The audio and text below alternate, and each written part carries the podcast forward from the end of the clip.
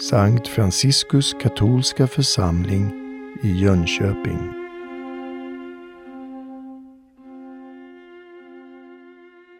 Den här evangelieläsningen, det handlar om att när Jesus säger att Människosonen, det är han själv, som ska överlämnas i människors händer, det är en, så att säga, en förutsägelse om Jesu lidande, det som ska hända honom. Eh, och det som hände, det vet vi. Vad, vad var det folket skrek när de visade Jesus? Eh, det var korsfäst honom, bort med honom. Det var bara hat. Det var ingen kärlek. Det var ingen tacksamhet, för Jesus hade gjort mycket gott för människor. Han hade till och med uppväckt döda, han hade botat sjuka, han hade gett hopp, han hade gett förlåtelse. Men svaret blev bort med honom, korsfäst honom. Detta var vad som händes, hände när Människosonen, alltså Jesus Kristus, Guds son, överlämnades i människors händer. Det står på slutet här att de förstod inte riktigt vad det betydde. Nej, de kunde ju inte se detta framför sig, att det skulle bli ett sådant dramatiskt slut. Men det betyder också någonting mer, för det här fortsätter ju. Att överlämnas i människors händer, det vill säga att vi bestämmer Jesu öde. Det gör vi än idag. Han kommer fortfarande inte till oss som den som har makten, för Jesus Kristus har makten. Han är härskare över himmel och jord. Och det är Jesus Kristus som, när vi dör, ska döma var och en av oss. Säga, du har levt ett gott liv, du har levt med mig enligt Guds vilja, eller du har inte levt med mig enligt Guds vilja. Han är alltså härskare fortfarande och är det i all evighet. Men Jesus vill fortfarande inte komma i, så att säga, i den gestalten att han visar sig som härskare. Utan han har sagt, jag kommer som en tjänare, den som tjänar. Och han tjänar oss genom att komma i en sån form att vi kan ta emot honom, inte är rädda för honom och bli ett med honom, bli verkligen nära honom. Och det är i den heliga kommunionen, i mässan. När prästen uttalar ordet över brödet, detta är min kropp, då blir det Jesu kropp. Det har han sagt. När prästen uttalar över kalken med vinet, detta är mitt blod, utgjutet för er, då blir det Kristi blod. Och Kristi kropp och blod, det är bevis på hans kärlek. För det är ingen som har större kärlek, säger Jesus, än den som ger sitt liv för andra.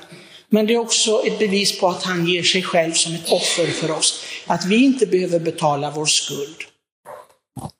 Så, kära Adrian och Chanel, det är en stor sak det här, det är ett stort ansvar som ni får idag från kyrkan.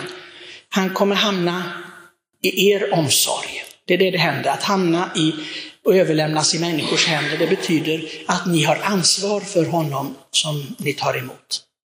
Hur ni behandlar honom. Det är ni som bestämmer själva hur ni kommer att behandla honom. Det finns de som tar emot Jesus med stor kärlek och iver och vi tänker att det här är det största jag kan vara med om på jorden. För det är det. Då har man insikt. Och jag vill bli allt mer lik Jesus. Kristuslik som vi säger. Och det, det, det är den bästa formen.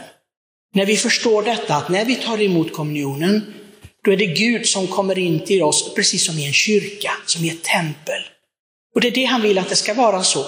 Och han säger, jag knackar på, säger han i Bibelns sista bok, jag knackar på dörren. Det finns ingen dörr här naturligtvis. Men han knackar andligen och säger, jag vill vara med dig.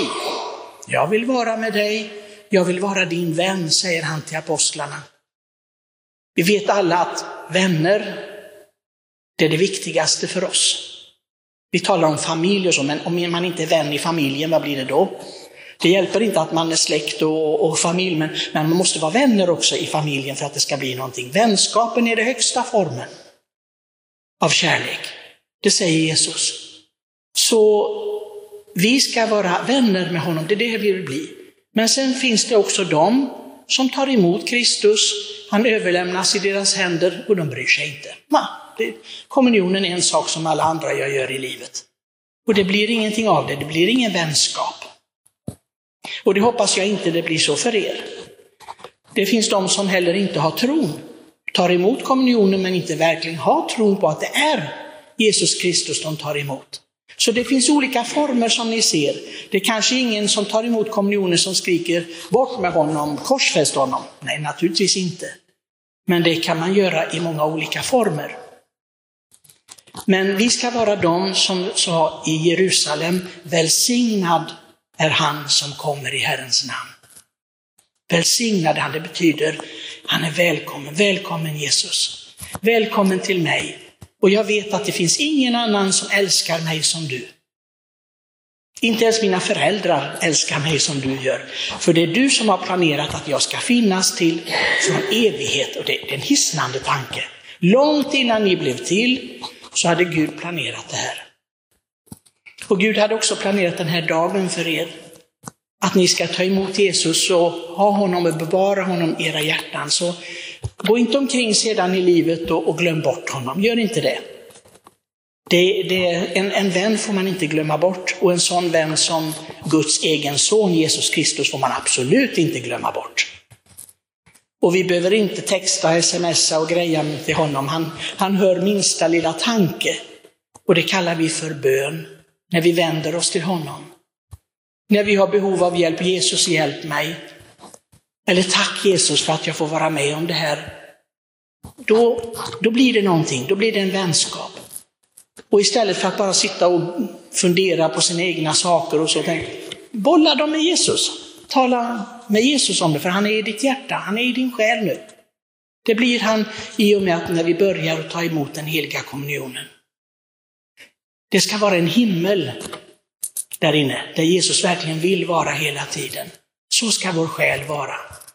Och det är därför vi ber om Guds moder Marias förbön idag i denna mässa för er och för oss alla. Att vår själ verkligen blir en himmel. Där Kristus regerar, där han styr och där han ger oss ständigt sin kärlek.